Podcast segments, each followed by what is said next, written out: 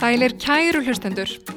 Sessili Viljámsdóttir heiti ég og þið eru að hlusta á hlaðastáttin Aðtanna fólk.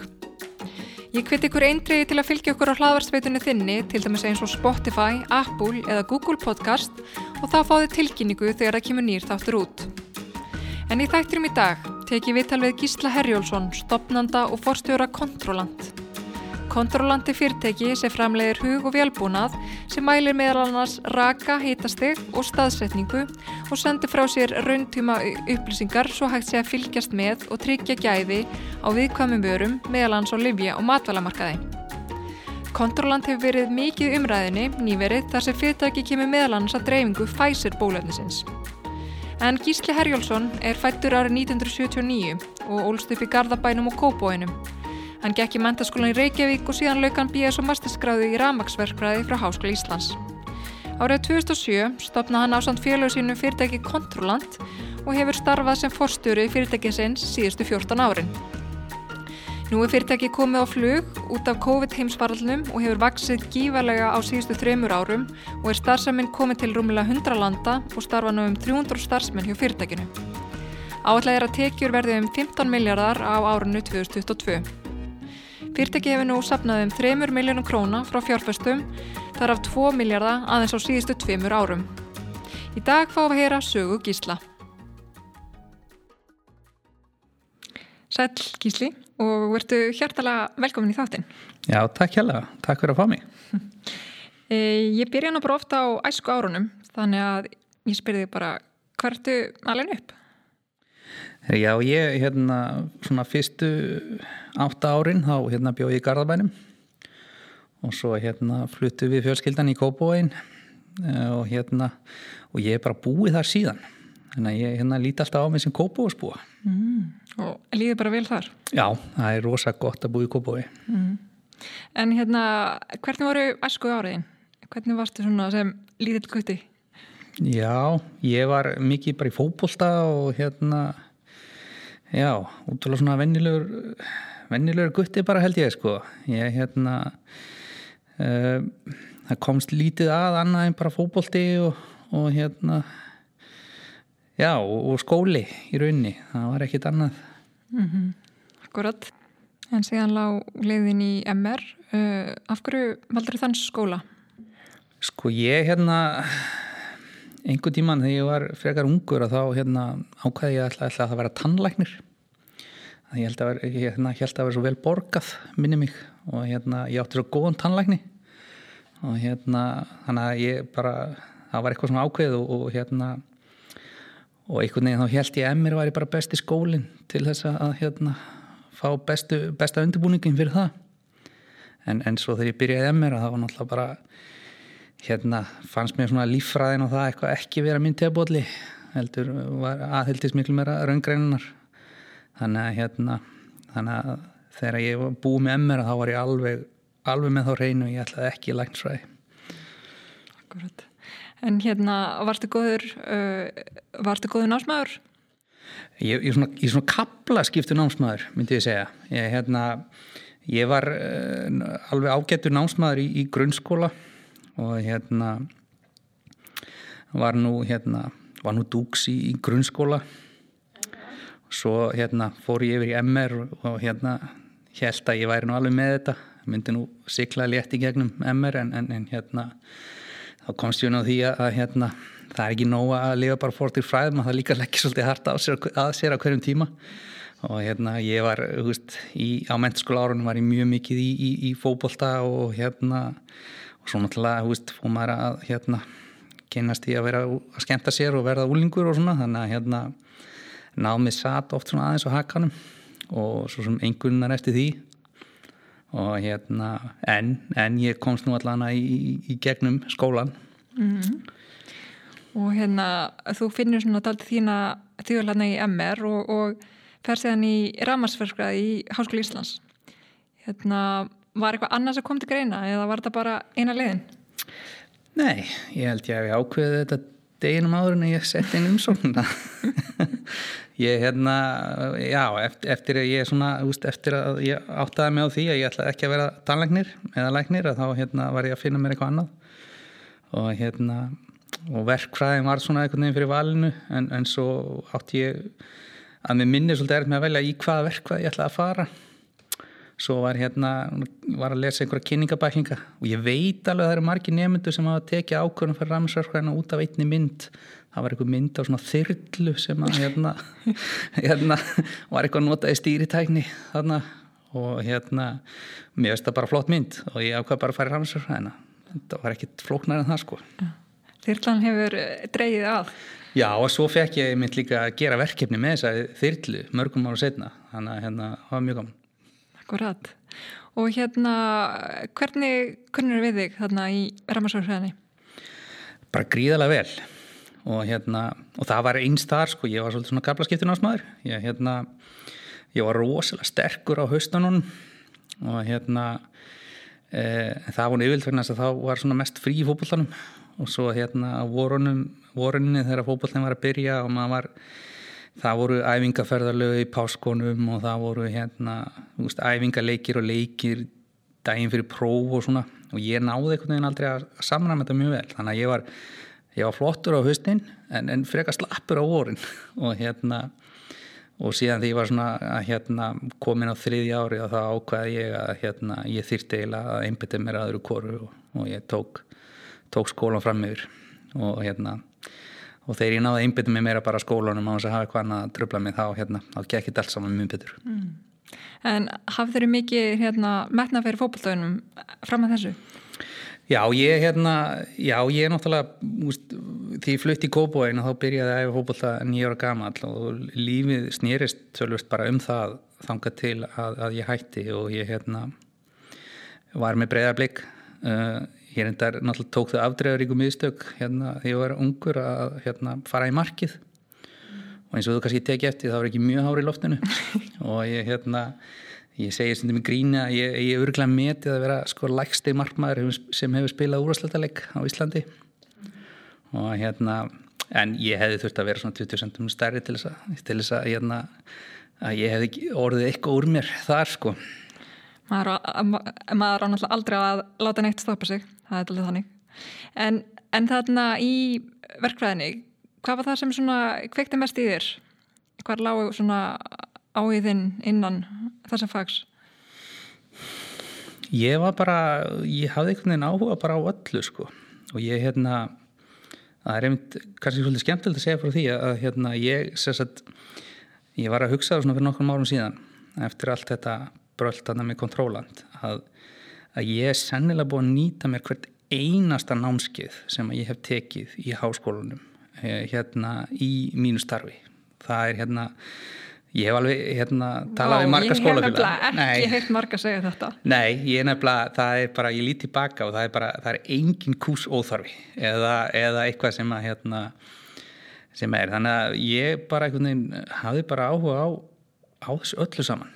Og sérstaklega þegar ég var svona komin upp í masterinn. Og þetta var, það var kannski svona alltaf þegar ég fór í, í, í masterinn og, og ég hérna, ég byrja á nýtt óttasnámi líka sko þá, þá var hérna, þá var, var ég mikið í merkjafræði og, og hérna sjálfur um stýrikerfum. Og hérna og það hérna var náttúrulega hafði mikið áhuga á því. Eh, en svo náttúrulega hérna bara, bara rafrásur hönnun og annað. Eins og segi, þetta er búið að nýtast mér allt bara. Mér er þess að starfræðigreiningin. Hún er bara, þú veist, ég er alltaf að grípi hérna sko, ótrúlega þins að Það er gott að heyra. Eh, en þarna á þessum tíma meðan þú ert í ramagsverkvæðinni þá kemur nú einhver svona vísir að því sem koma skal að hérna að þú ferð að huga að, að sagt, eh, nýsköpunarverkefni ekki satt? Jú, þetta er sem sagt sko Uh, þú ert vantilega í að því hvernig kontróland byrjaði. Svona, smá, já, smá já, já, já, já þetta var þannig að ég, hérna, ég byrjaði verkvæðinu, þar kynist ég hérna, einn af, af meðstórnum mínum, Ellingi Brynlunsinni og hérna og við urðum bara mjög góðir mátar í náminu. Og hérna og svo er, er sagt, ég er ljúk, búin að ljúka þriði árinu og, og byrjaður í mastersnámi og, og hérna uh, og, og ellingur uh, einnig að byrja í mastersnámi þó við vorum ekki, ekki kannski endilega á sama sviði endilega að þá hérna uh, fær þessa frábæri hugmynd að hérna taka þátt í hérna í hérna hönnunakefni vel á yðinverkræðinar sem að hérna að þessi keppni sem að búið til einhverja, einhverja bíla og farið einhverja þrautir og eitthvað og hérna og mér fannst það bara gegja mjög sniðut og við sem sagt vissum að einum stundakennara þarna sem að hafði eh, bæði kent mér svona hérna digital signal processing og hafði líka verið að leiðbenna ella einhverju sumaverkefni.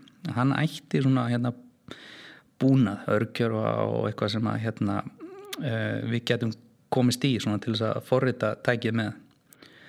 Og hérna en svona til þess að gera langa sögu stutta þá náttúrulega bara hérna floppuðu við hrikalegi þessari keppni. Hérna náðum ekki að klára breytina og hérna en veist, mjög skemmtilegt og, og í kjölfari þá var þessi stundakennari sem er Trösti Þónusson að hann hafi verið með uh, ákveðna hugmynd og þá hún ástæðan fyrir hann átti allt þetta út að hérna að, að, að smíða svona skinjara uh, hérna og reyna að gera eitthvað. Hann var svona eitthvað bara að dunda sér hérna utan vinnutíma og kjænslutíma en hafði í rauninni engan, tíma til þess að gera þetta einhverju alvöru. Þannig að hann hafði sambandið okkur í kjálfarið og, og, og hérna spuru hvort að við, við varum til að hittast og hérna og, og halda eitthvað áfram með þetta verkefni og hérna sjá svo til hvort að þetta er eitthvað sniðut í framtíðinni. Og þannig byrjaði svona þetta samstarf í rauninni svona með frekar óformlegum hætti með frekar óljósar hugmyndir en, en hérna ég held að sem allavega, allavega sem dreif mig svolítið áfram var að ég hérna uh, það voru kannski ekki mörg fyrirtæki hérna á Íslandi sem að ég einhvern veginn sá sjálfa mig í.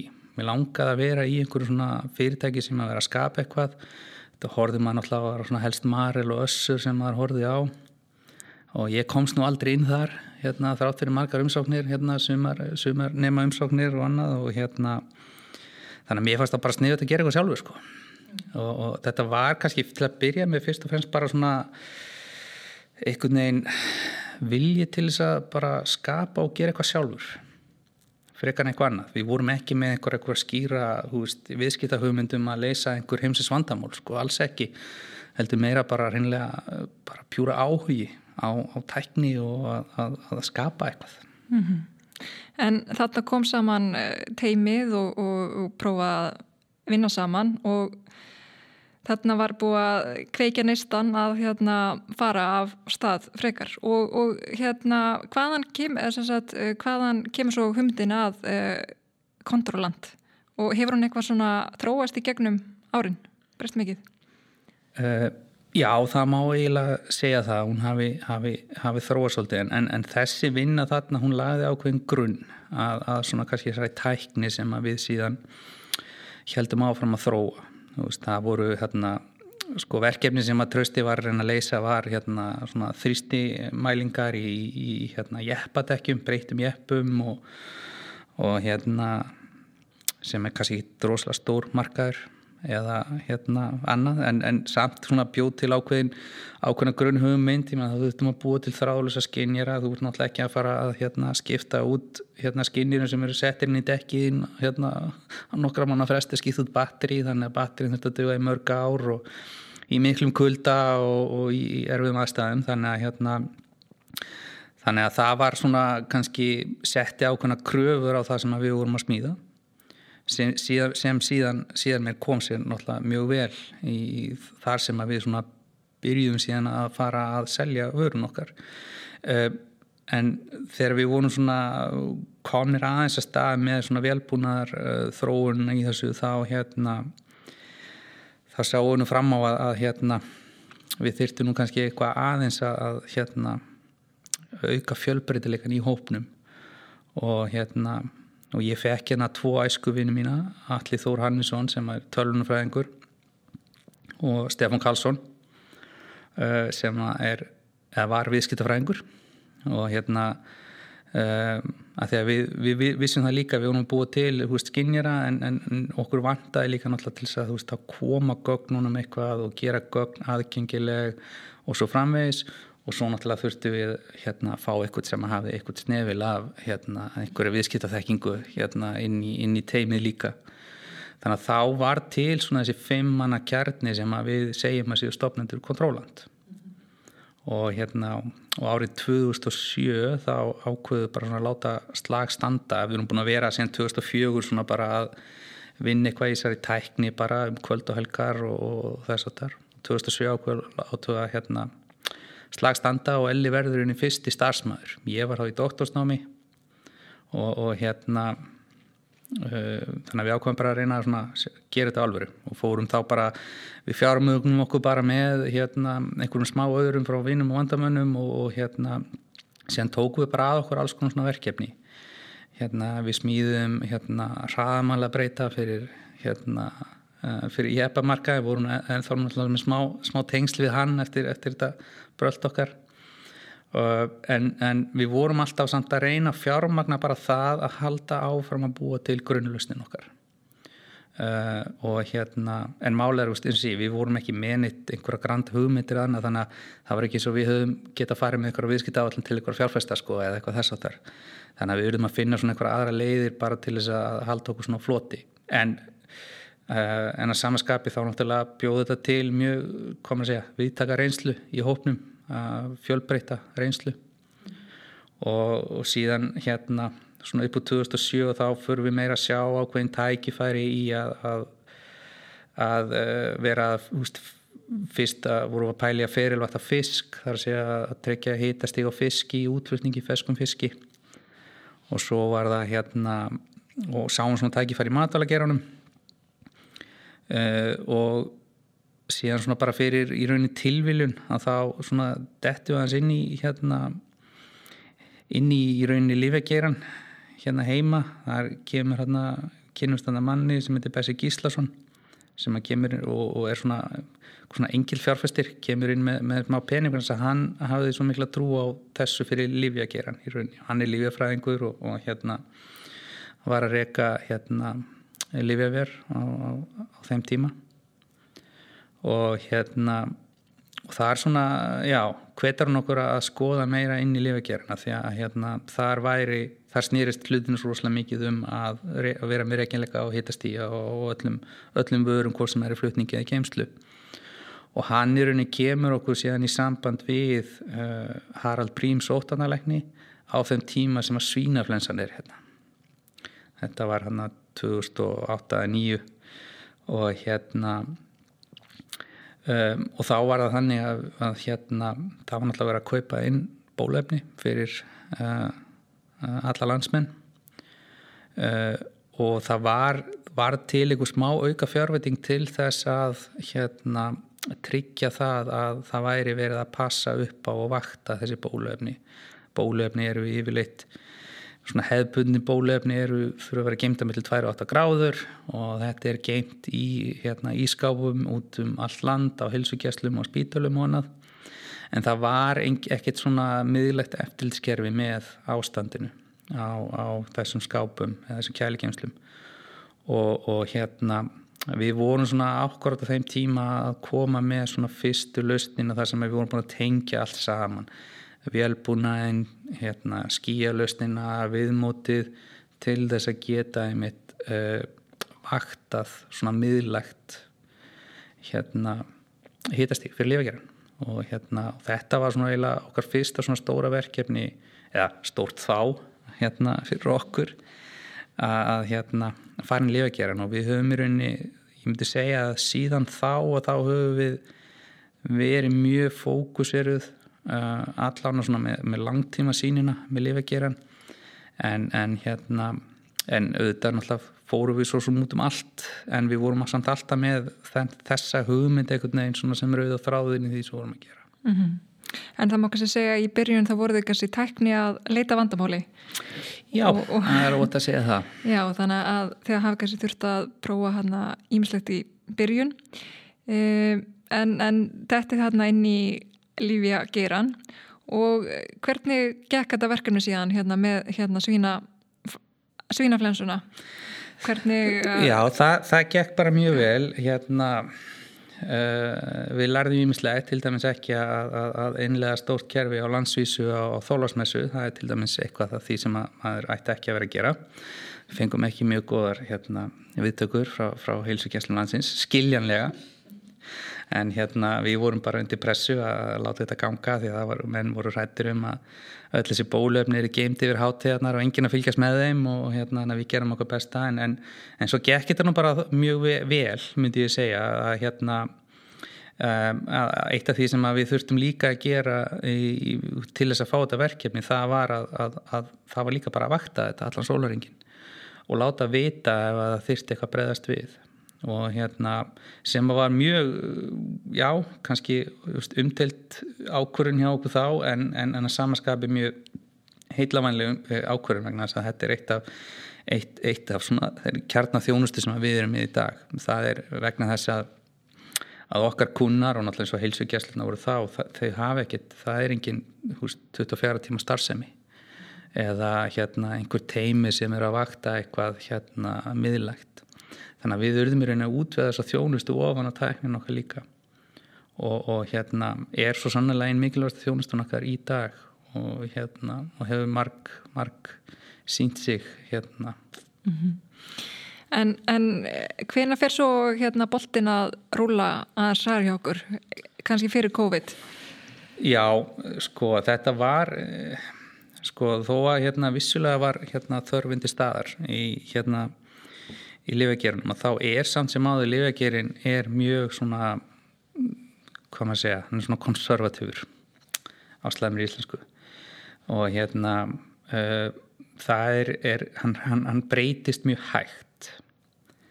Og hérna það er bara svo strángar reglugerðir og allar breytingar eru mjög þungar fyrir vikið og hérna, þú veist, þegar við komum kannski að sjónasviðin, alltaf byrjum hérna heima og það gekk mjög vel. Við, þú veist, að eftir eh, svona 2-3 árum eftir að við erum búin að klára þetta sínuleysu verkefni að þá voru við rauninni með bara allan livjageiran nánast á Íslandi. Þar að segja frá því að liv komið til landsins að þá voru við rauninni að vakta þau þanga til að uh, sjúklingu fekk þau eða hérna á spítala eða, eða hérna Eh, einstaklingu kaupið það í apotekki þannig að það var bara svona allt hérna, hvað maður segja öll, öll lífastar sem í Íslandi var svona vöktið í rauntíma og, og gekk mjög vel.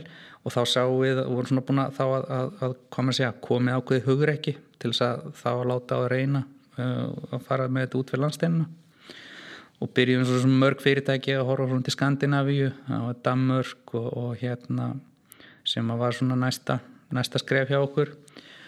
Og Við fengum, náðum þarna tveimur kúnum í Danmörku. Mjög uh, svona frekar fljótt eftir ákveðum að fara í útrásina.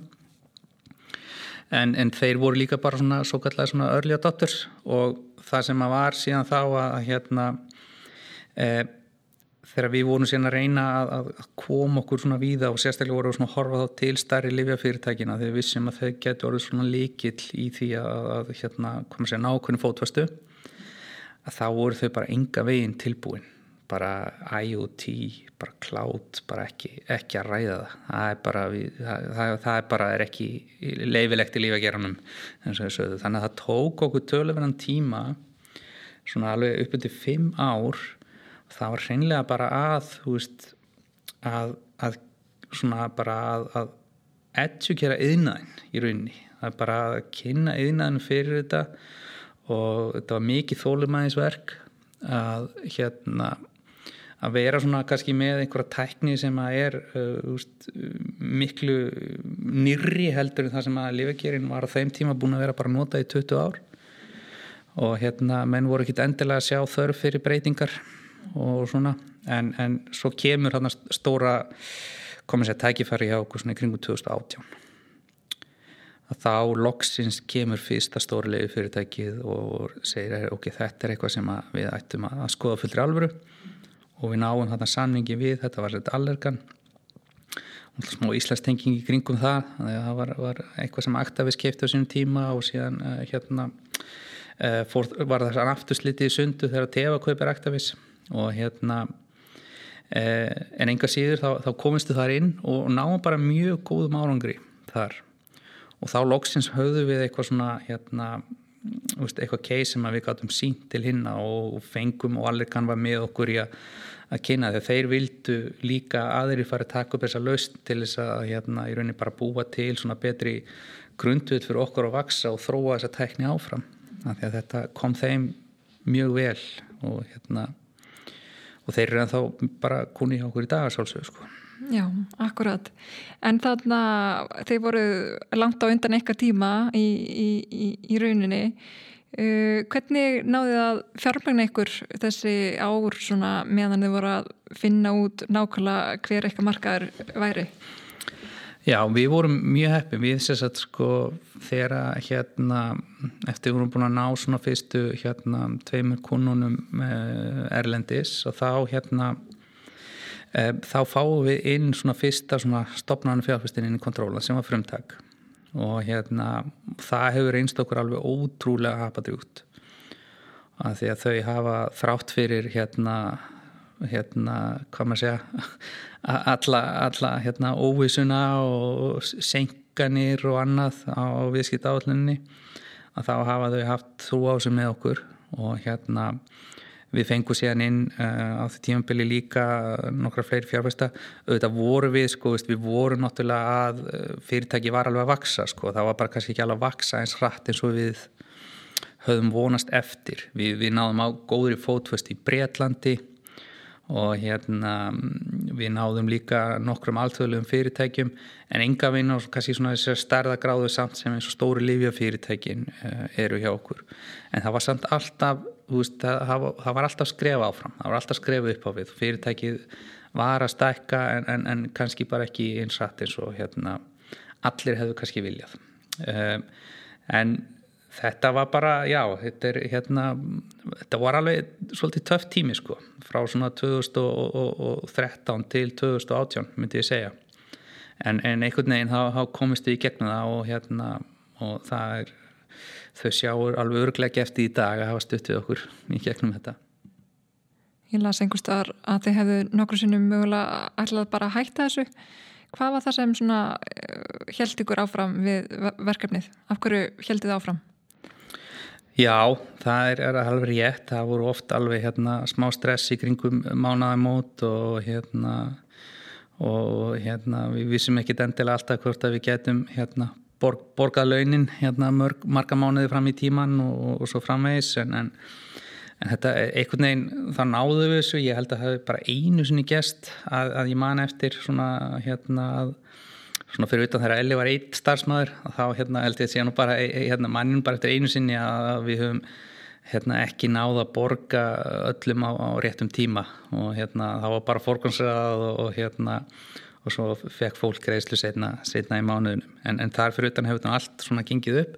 En þetta hefur oft verið mjög tæft, það verður bara segjast eins og er. Veist, það er hérna ég man sérstaklega eftir hérna, einu atviki þegar við bara sáum fram með núandi kostnað og tekjurnar sem voru að koma inn og voru vantanlegar að þá þyrstum við að skera niður tölurverðan kostnað og hérna það var í rauninni ekkit annað í bóði að það er svona yfir tryggja mánu uppsannafestur hérna þannig að þú ætlar að losa kostnað þá, þá tekur það alveg þrjá mánuði allavega.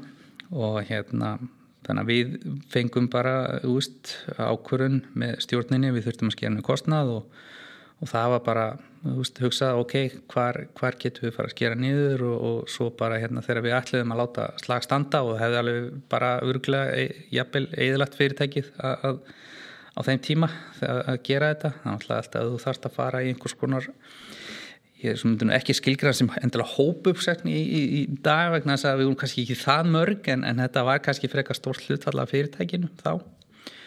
Og hérna en það var bara svona held í fimm minútum áður en við ætluðum hérna í öllu frangotastjórun að kalla einn fólki og þá allt í innu bara kom upp einhver hud þetta einhvern veginn fórum við að telja saman og, og púsla þessu saman og þá kom í ljósa við, við get, við gátum fresta ákvörðum eitt mánuð og akkurat á þessum eina mánu þá náðum við að tryggja fjármögnum þannig að við höfum aldrei þurft að segja upp starfsfólki úst, með þeim tilgangi að skera nýður og hérna og það er bara mjög ánægilegt að hafa svona einhvern veginn geta komist í gegnum þetta án þess. Og hérna en þetta er, já, þetta er marg oft staðið tæft og ég man ekki hversu oft þetta hefur staðið tæft en, en það er allavega mjög oft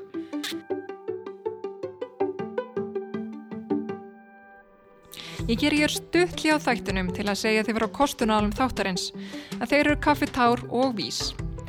Þar sem líða fyrir jólum hvet ég alla til að skipta yfir í grílukaffið eða hátíðakaffið frá kaffitár. Það er líka alveg kjörið að gefa fólki sem á allt kaffikörfi jólugjöf. Ég vil meina að það sé svona gjöf sem haldi áfram að gefa. Nú þegar við erum að ranna inn í jólinn og tími fjölskyldunar og huggulheita fyrir að ranna í gard er kjörið að ganga frá lífs- og sjúkdómatryggingum hjá Vís og hafa öll sín mál og fjölskyldunar á hreinu svo hægt sé að njóta jólana áhyggjulust. En aftur að viðtælanu.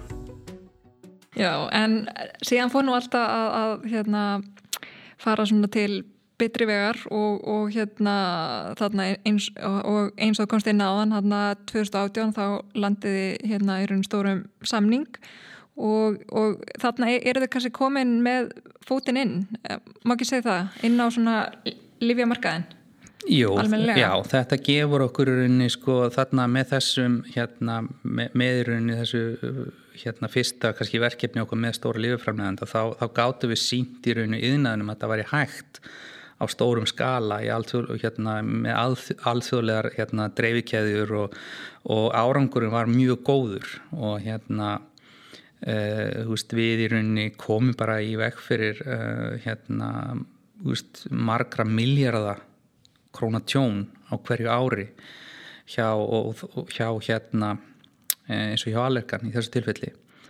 Og þá náttúrulega, þú veist, þá er auðveldra fyrir hinn fyrirtækin að taka ákvörðun. Það, okay, það er eitthvað búin að gera þetta áður það er eitthvað búin að taka þessu áhættu fyrir okkur að hérna láta á þetta reyna og þetta virkaði þannig að það minni áhættu fyrir okkur.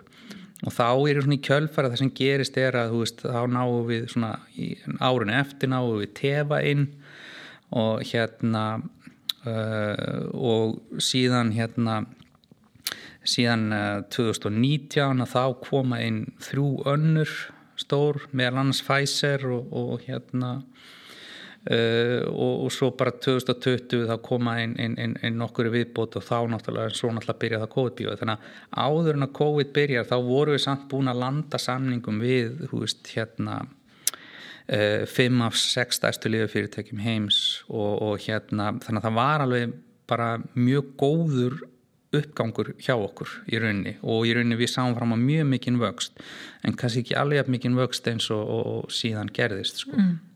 En uh, hvernig fer lítið sprótafyrirtæki að að selja reysa livja fyrirtæki örun á sína? Hvernig var þessi fundur? Eða er þessi fundur? Hvern, Já, þetta hvernig, er svona Hvernig gerir maður þetta? Já, í okkar tilfelli þá hérna uh, sagt, uh, þessi ár, þannig að 2013 til 18 að það sem við gerðum var að við vorum mjög aktív bara á hérna á síningum, við völdum bara þær síningar sem að var hérna, þar sem að var í rauninni fólkið sem að, að taka ákvarðinir um þetta hjá lífafyrirtækjunum og við urðum að vera þarna bara ár eftir ár eftir ár vegna þess að eitt af því sem að, að, að stórt fyrirtæki vil ekki gera það er að fara í viðskipti með einhver litlu sprótafyrirtæki sem þið viti ekki að sé þarna árið eftir. Þannig að þú þart svolítið að koma og sína þig aftur og aftur og aftur og veist, þannig að þá smá saman fer fólk einhvern veginn að líða meira svona hérna, meira svona comfortable að sjá þig og hérna og það fór alveg ágættis fjármunur í það. En það, það, ástæðan fyrir því að við vorum að gera þetta það var reynilega bara það að við við hérna við höfðum ekkert til þess að sína það sanna annað en bara okkur sjálf og, og hérna uh, og svona freka lítil svona use case sem að voru kannski ekki ekki á, á sama kaliberi og þessi stóru lífefyrirtæki hefðu viljað sjá.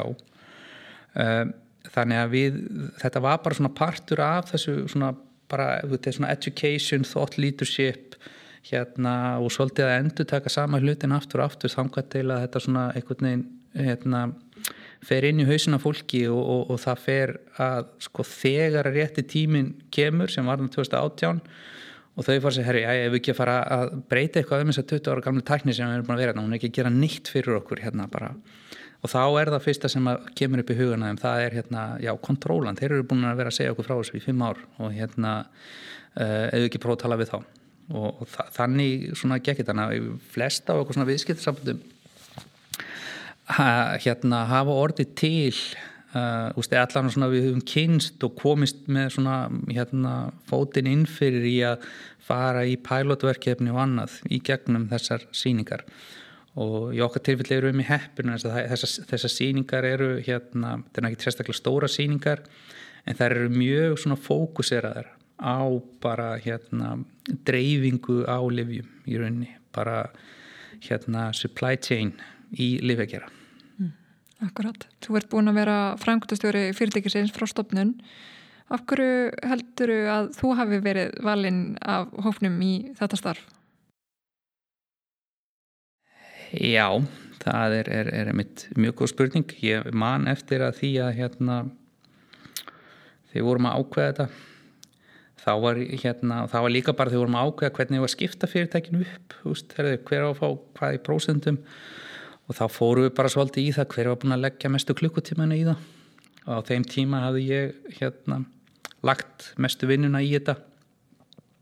Og svona af stopnundunum fekk þar að leiðandi kannski hérna stærsta hlutin og og svo bara já, sennilega bara vegna þess að aðri voru í vinnu og eitthvað og ég var hérna bara og ég ekki bara vera framkvæmstjóri og svo bara sjáum við til eftir tvö ár.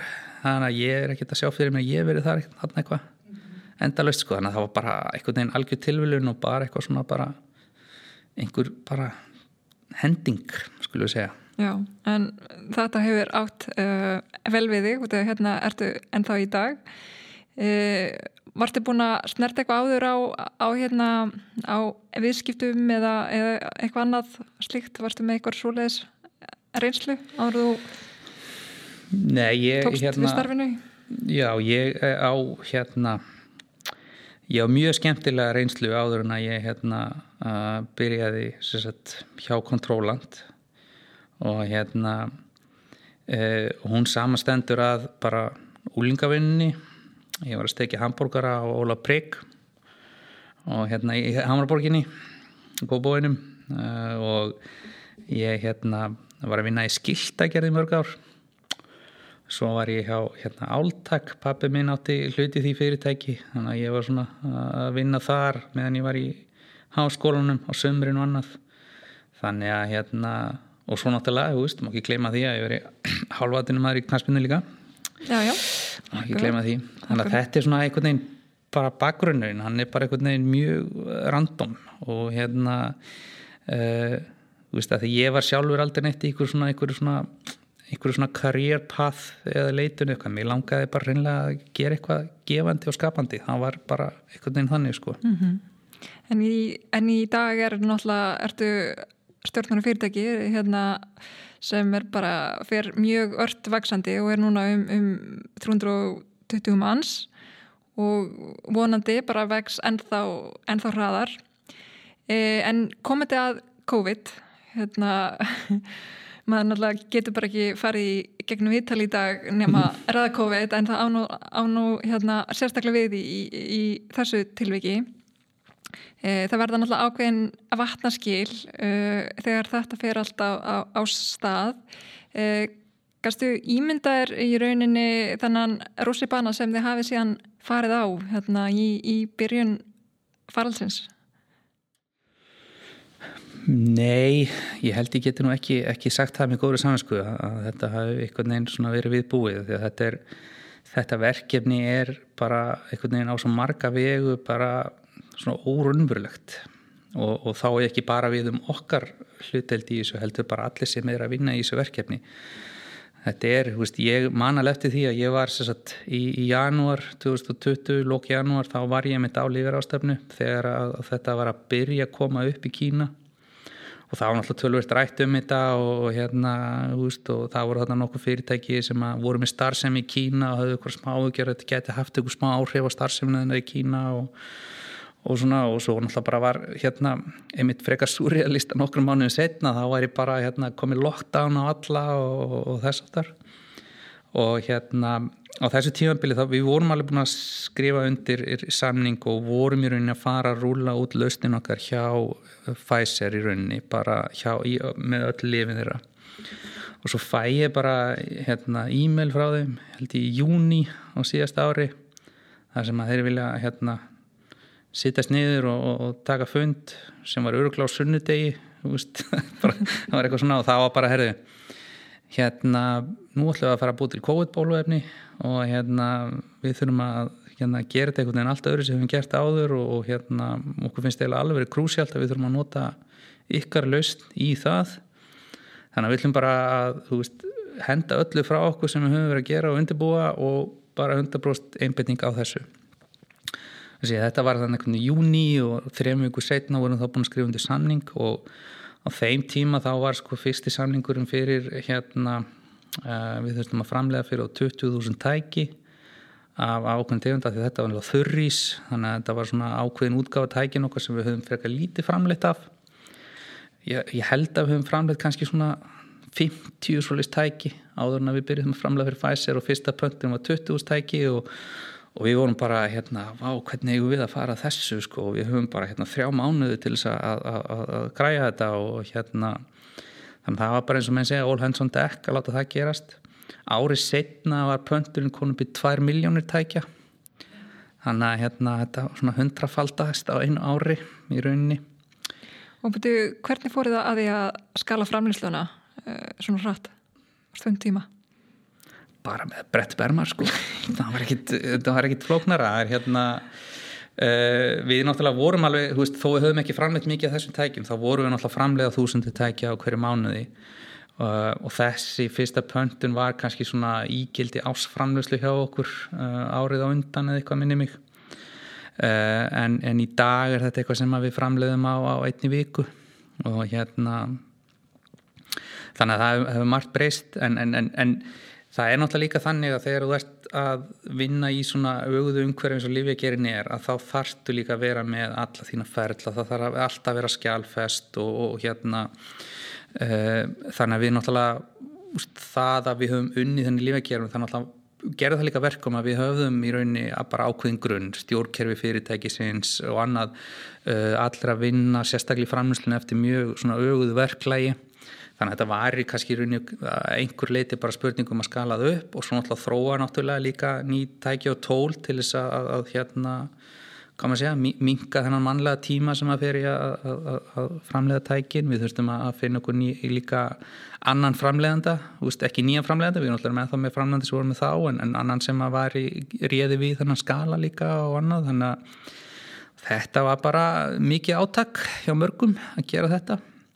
og þetta er bara svona eitt, eitt af, af verkefnunum sem við þurft, þurftum að, að taka á okkur og skala all hressilega upp að þess að annað líka er að hérna að Pfizer hefði tekið þá hérna ákvörðun uh, þegar þeir hérna ákvöða að fara í að, að, að setja allan þungaði framlæta bólefni að þeir myndu ekki hafa hefðbunna dreifilegra bólefnu uh, hefðbunni dreifileg vera, þú þú ferð úr vestmiðju og þetta fer yfirlt í einhver svona stórum sendingum á einhvern heilsala eða, eða dreifingar aðela inn á einhverja markaði heimsálfur og þess áttar og þeir bara einhvern veginn voru búin að meta það að ef þetta myndi ganga upp hjá þeim þá þurftu við bara að geta dreift þessu miklu víðar og miklu hraðar heldur en með hefðbundu leiðum og þeir setja ákveðu að, að hérna, voru búin ákveða það að þeir ætlu bara að taka þetta í rauninni bara í gegnum bara vennjulegt flytningsnitt eins og bara veist, FedEx og UPS og DHL bara Express sko. Og hérna, en það er náttúrulega þýttið það líka að þeir voru þá allt í unum farnir að bara búa til einhverja hérna flutniskeðu sem að lítist meira Amazon heldur en nokkuð tíman einhverjum hefbundum hérna livja flutniskeðjum og og þar komum við svolítið inn í venn við höfðum í rauninni, þetta var kannski svona ákveðin reyfing sem hafði átt sér stað í, í svona síðustu tvö ár en mjög hægt, samt sem áður innan leifjagerans, þar sem að fyrirtæki voru svona horfa meira á að, að dreifa leifjónu sínum beint á endastæði. Um, og, og ástæðan fyrir því eru bara veist, að leif eru bara yfir höfðu að breytast, þau eru að vera tæknilegir floknar og viðkvæmari en, en að samskapi miklu mun betri. og, og hérna það er bara líka mikið það að vera senda bara beint heim til sjúklinga og annað. Þannig að þetta var svona að gerast og við vorum með svona ákveðna tveggja ára sín að aðla okkur að þeirri hérna uh, þeirri vegferð. En þarna eruðum við að taka þess að tveggja ára sín okkar hann í janúar og við eruðum að klára implementarinn á fimm mánuðum. Vegna þess að hérna við þurftum að vera tilbúinir í nógumber og hérna það var líka bara mjög skemmtileg áskorun að, að gera það. Og hérna en, en, en, en þetta tókst en, þetta er bara svona veist, þetta er bara búið að vera svo óbúslega surrealist sko að hérna bara sem dæmi að hérna ég man ennþá þegar fyrstu bólefnin fóru. Þú veist ég satt á skrifstofun klukkan tíum um kvöldi það var alltaf bara unni allar næntur hérna þetta, þetta tímabil. Það fekk ég bara skilabóð klukkan tíum um kvöldi frá Pfizer. Herru það er búið að gefa leiði í Breitlandi við byrjum á morgun við áttum að byrja til tvær viku sko. Og hún bara ég hljóp fram að ganga, fólk var að fara heim bara, stoppið, stoppið. Engin að fara heim núna.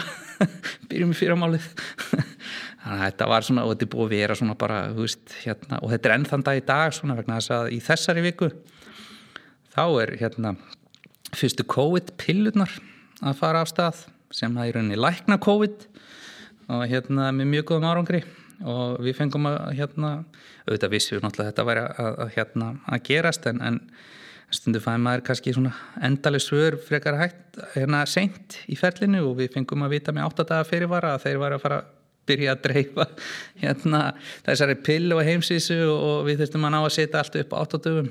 Þannig að hérna þetta er bara svolítið bara mjög sérstætt Já, þetta er náttúrulega sérstakar aðstæður hérna, í gangi. Og, og þeir náttúrulega komið með þannan samning við fæsir meðal annars sem, sem, sem náttúrulega stakkar og stakkar en þarna á þessum tíma hérna, e, og þið, þið gangi frá þessum fyrsta samning við fæsir og þið hljótið að líka sjá fram að þið þurfið að geta fjármagna þannan vöks sem er hérna, e, já, sem þið sjá fram á.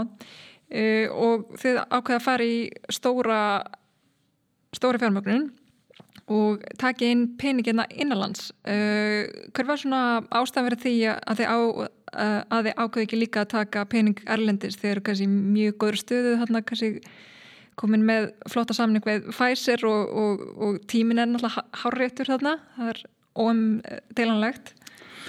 Já, en það er kannski, þú veist, maður verið líka kannski svona aðeins að átt að sjá þau og horfir út frá svona kannski hérna hlið fjárfesta Uh, og hérna að þá ertu kannski að, veist, við erum kannski að horfa á svona ákveðnar uh, svona ákveðn, ákveðnar vakstastíði fyrirtækisins að við erum eða frekar að horfa á vakstafjármögnun heldur en sprótafjármögnun þannig að hérna en, en að samaskapi með svakala mikla óvissu fyrir framann okkur.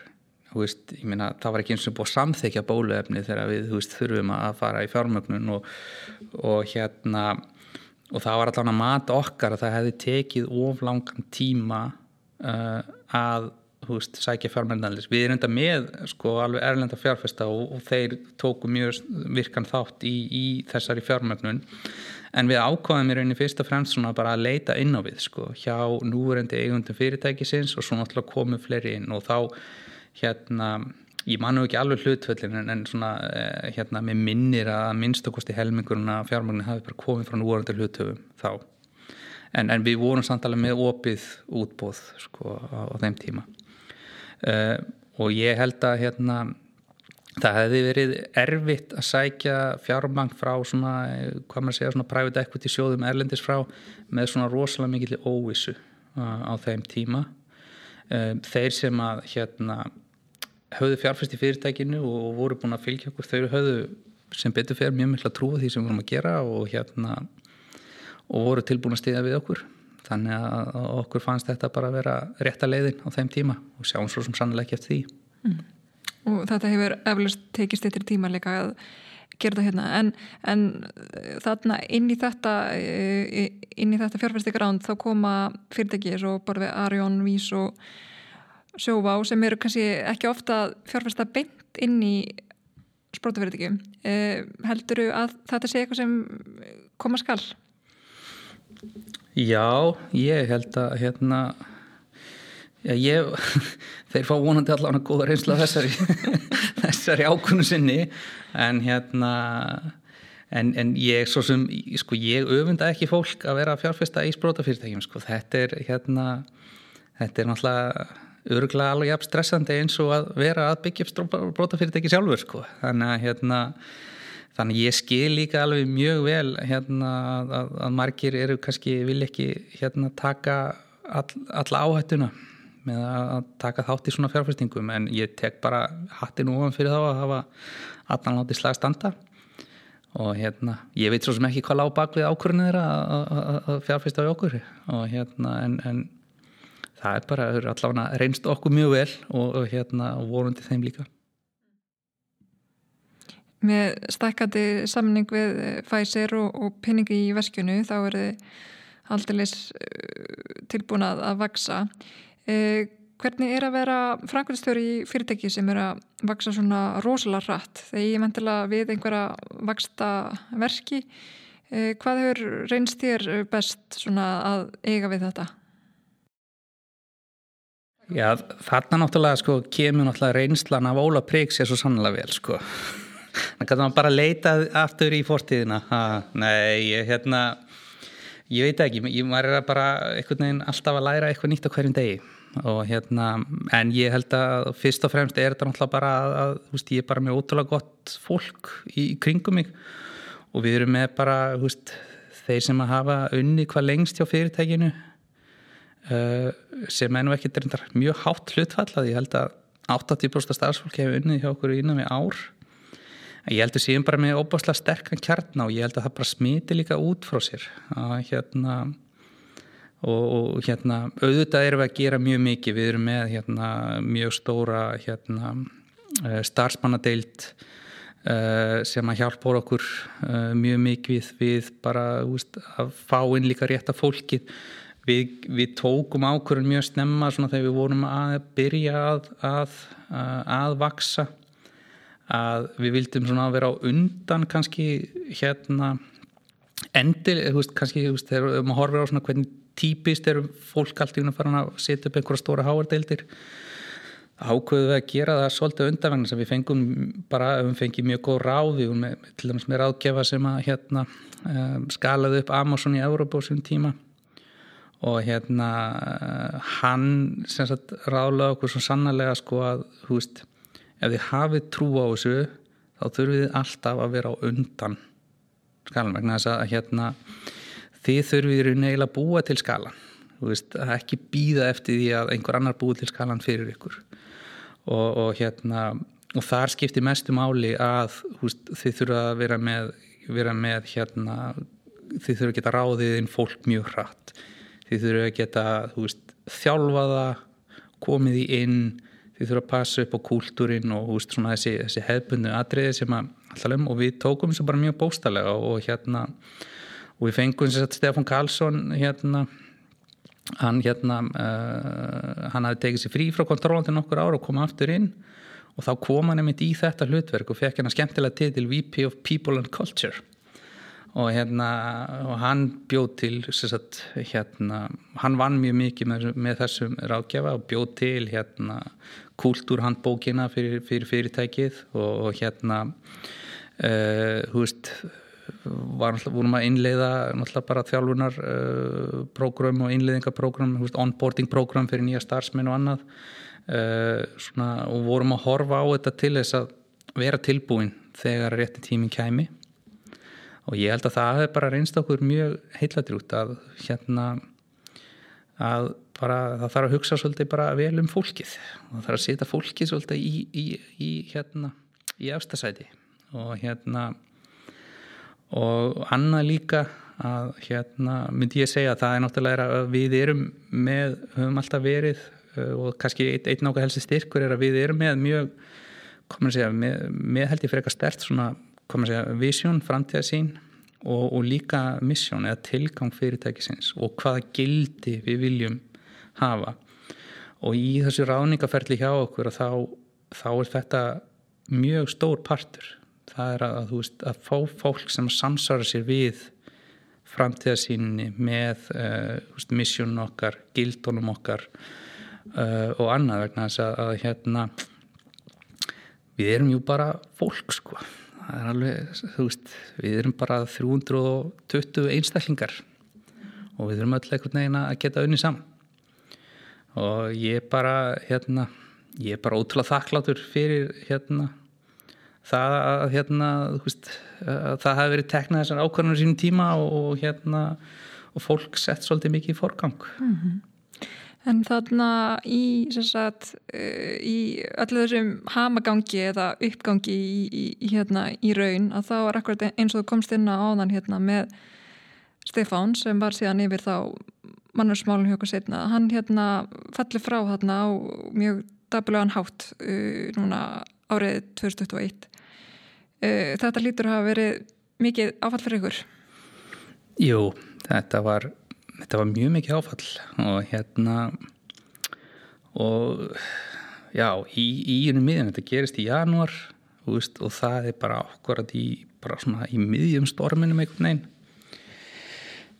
Og hérna en, en, en við hérna bara ég held að þú veist við sem að vorum kannski stýra fyrirtækinu stjórnin og þau sem er frangöndu stjórn teiminu Steppi hafi nú sem betur fyrir líka ráðið hann hafi ráðið sín eftirmann áður en þetta gerðist. Hann að hérna ellu. Og hérna ég held að hún hafi verið búin að vera viku. Og ég hafi hitt hana einu sinni áður en þetta gerist.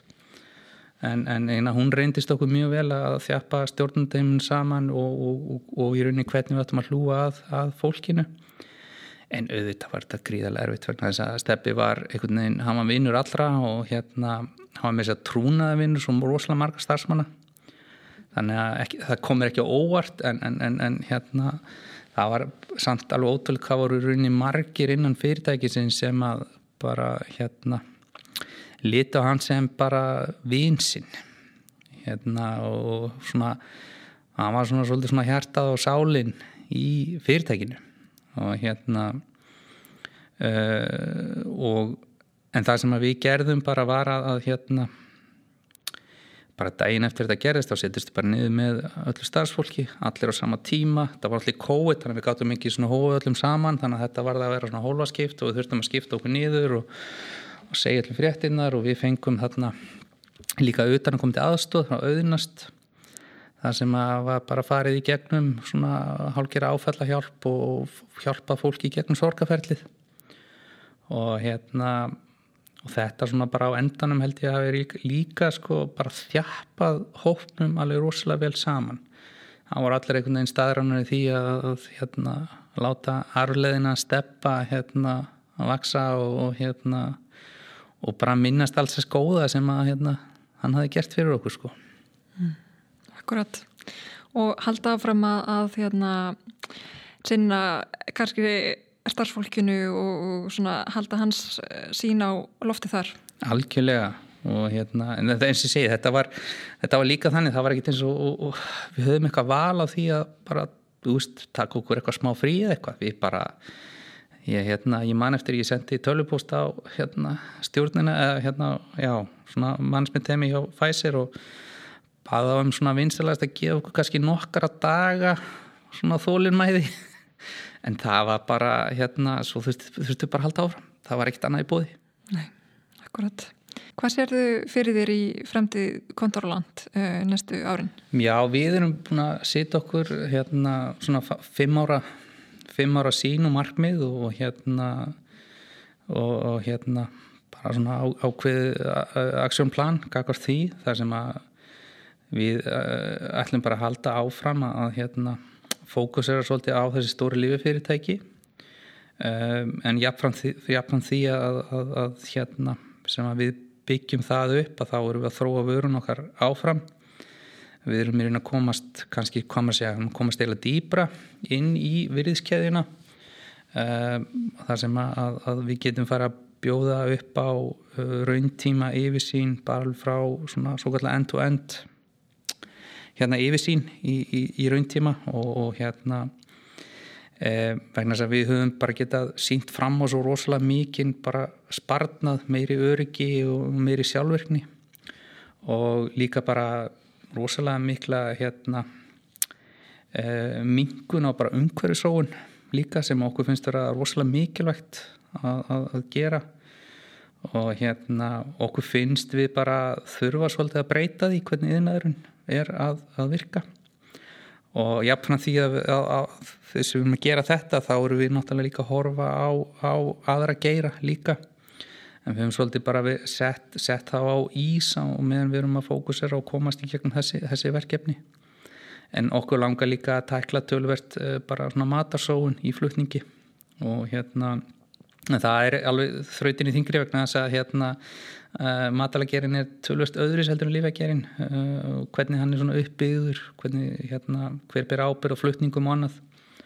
En, en við erum svona vonast til þess að hérna að aðrir gera geta kannski svolítið lært að því hvað lífægerin gerði til þess að, að í rauninni koma í veg fyrir sóun. Mm -hmm.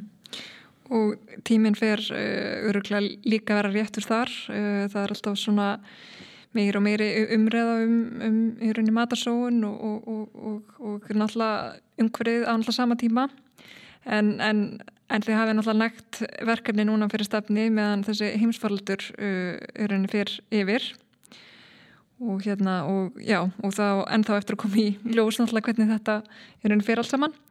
Uh, en svona þegar, svona þegar þú ert ekki að vinna að hérna, konturland og að, að, að hérna, stjórna þessu skipi sem fer ansið hluti yfir núna. Eh, hvað er þetta þá að, gera? Já, ég á hérna ég á alveg indislega konu og þrjú börn og hérna þegar ég ekki að vinna þá fennu yfirleitt hérna, reyni að eða sem mestum tíma með þeim. Svo ég líka hérna mjög góðan vinahóp. Við erum búin að vera bara góði vinir frá því við vorum, vorum, vorum bara pínlilli guttar og hérna og það er voðalega lítill svona tími eitthvað deginn í eitthvað annað.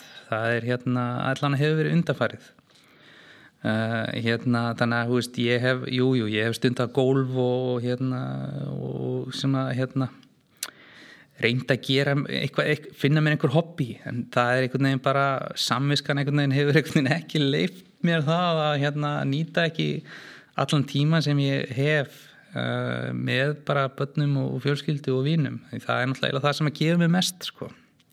það er fólk bara að vera í kringum fólk og bara fjölskylduna mína líka veist, foreldra og sískinni það er einhvern veginn það sem að gefa manni hvað mest mm -hmm. Akkurat næri mann hérna, mest en, en svona að, að lókum ef við hérna, lítum yfir uh, þinn feril með kontrolant Eh, hvað er svona eftirminnilegasta minningin, myndur þú segja? Já. Já, náttúrulega hérna það var allavega ekki síðast aðfangadagskvöld af því ég man ekkit eftir því. Ég frétti að ég gæra fóröldar mín hefur í mat hjá okkur aðfangadagskvöld en þannig að við allavega getum hérna útiloka það. En, en hérna Það eru bara mjög mörg uh, skemmtilega atvik hérna sem hafa gæst og er alveg óglemalega og við vorum með mitt hérna gamla segja fyrir því að fyrir nokkru vikum að þá vorum við með svona uh, viku sem við byggðum öllum starfsfólkum og við tókum alveg tveggja tíma sessjón sem við stopnum og þessum komin fyrst fórum við mitt og fórum í gegnum söguna og sögðum skemmtilega sögur. Og við bara, við komum ekki fyrir nema helmingnum að þeim fyrir á tveim tím það var eiginlega hérna svo mikið. En, en það er til dæmis bara við hérna við unum gullleggið hérna á sínum tíma. Já, sem, sem, er, að, já, sem er okkur svona viðskipta allanar kefni einmitt, einmitt. Og hérna það var gaman að því að við áttum að halda einhver svona kynningu í fullum sala á fólki og, og hérna við ákvæmum einhvern veginn á síðustu stundu að, að Elli myndi vera með ræðina þetta var bara ein mínúta og, og hann hérna hann fekk mjög stuttan fyrirvera og hann bara einhvern veginn svona fröys upp á svið og lappaði niður og ég stóði eins og illa gerir hlutur.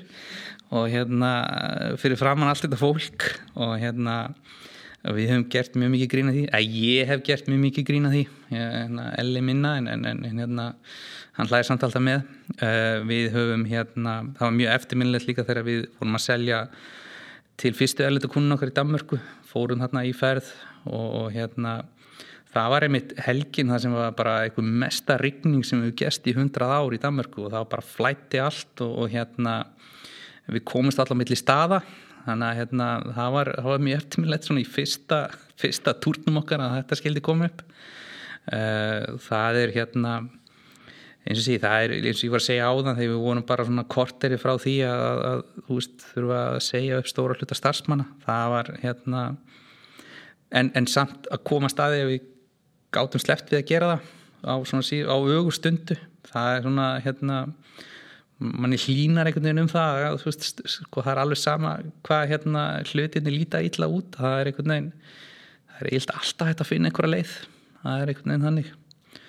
Og svo náttúrulega bara hérna Jújú, jú, þegar við skrifum myndi sanningu fyrsta stóra lifið fyrirtæki eða réttar satt þegar við fengum tilkynninguna um það að, að, að þeir ætlaði að fara og linn með okkur og hérna og skrifum til sanning og þá voru við bara á einhverju hótelkaffehúsi eða eitthvað í, í, húst hérna og, og svo bara komið þeir hérna í, hérna, í kaffi, tölu okkur hálftíma já, bara óskuðu okkur til hamingi og löpuð út og við sátum hann bara hvað var eiginlega að gerast? Alveg bara, þú veist þannig að hérna og þetta er bara, já margt mjög skemmtilegt og svo náttúrulega í tengslu við, við, við þetta COVID-verkefni, náttúrulega hérna margar eh, skemmtilegar eh, minningar. Það er bara, ég veist, ég geti talið einn allan dag um, um sögur sko.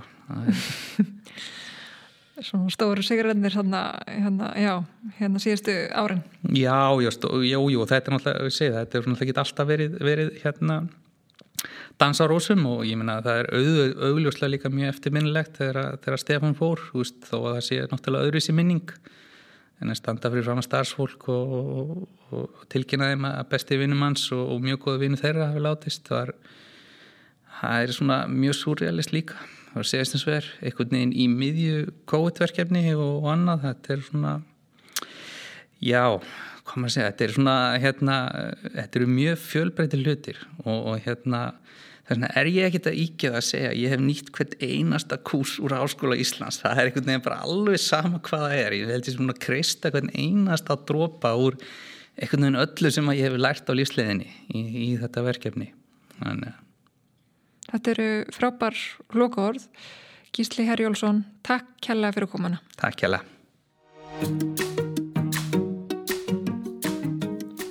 Þú vilt heyra fleiri sugur af aðtapnafólki þá hveti þið til að íta á subscribe-knappin á hlavarspeitunni þinni og fylgja okkur á samfélagsmiðlum. Ekki missa af næsta þætti.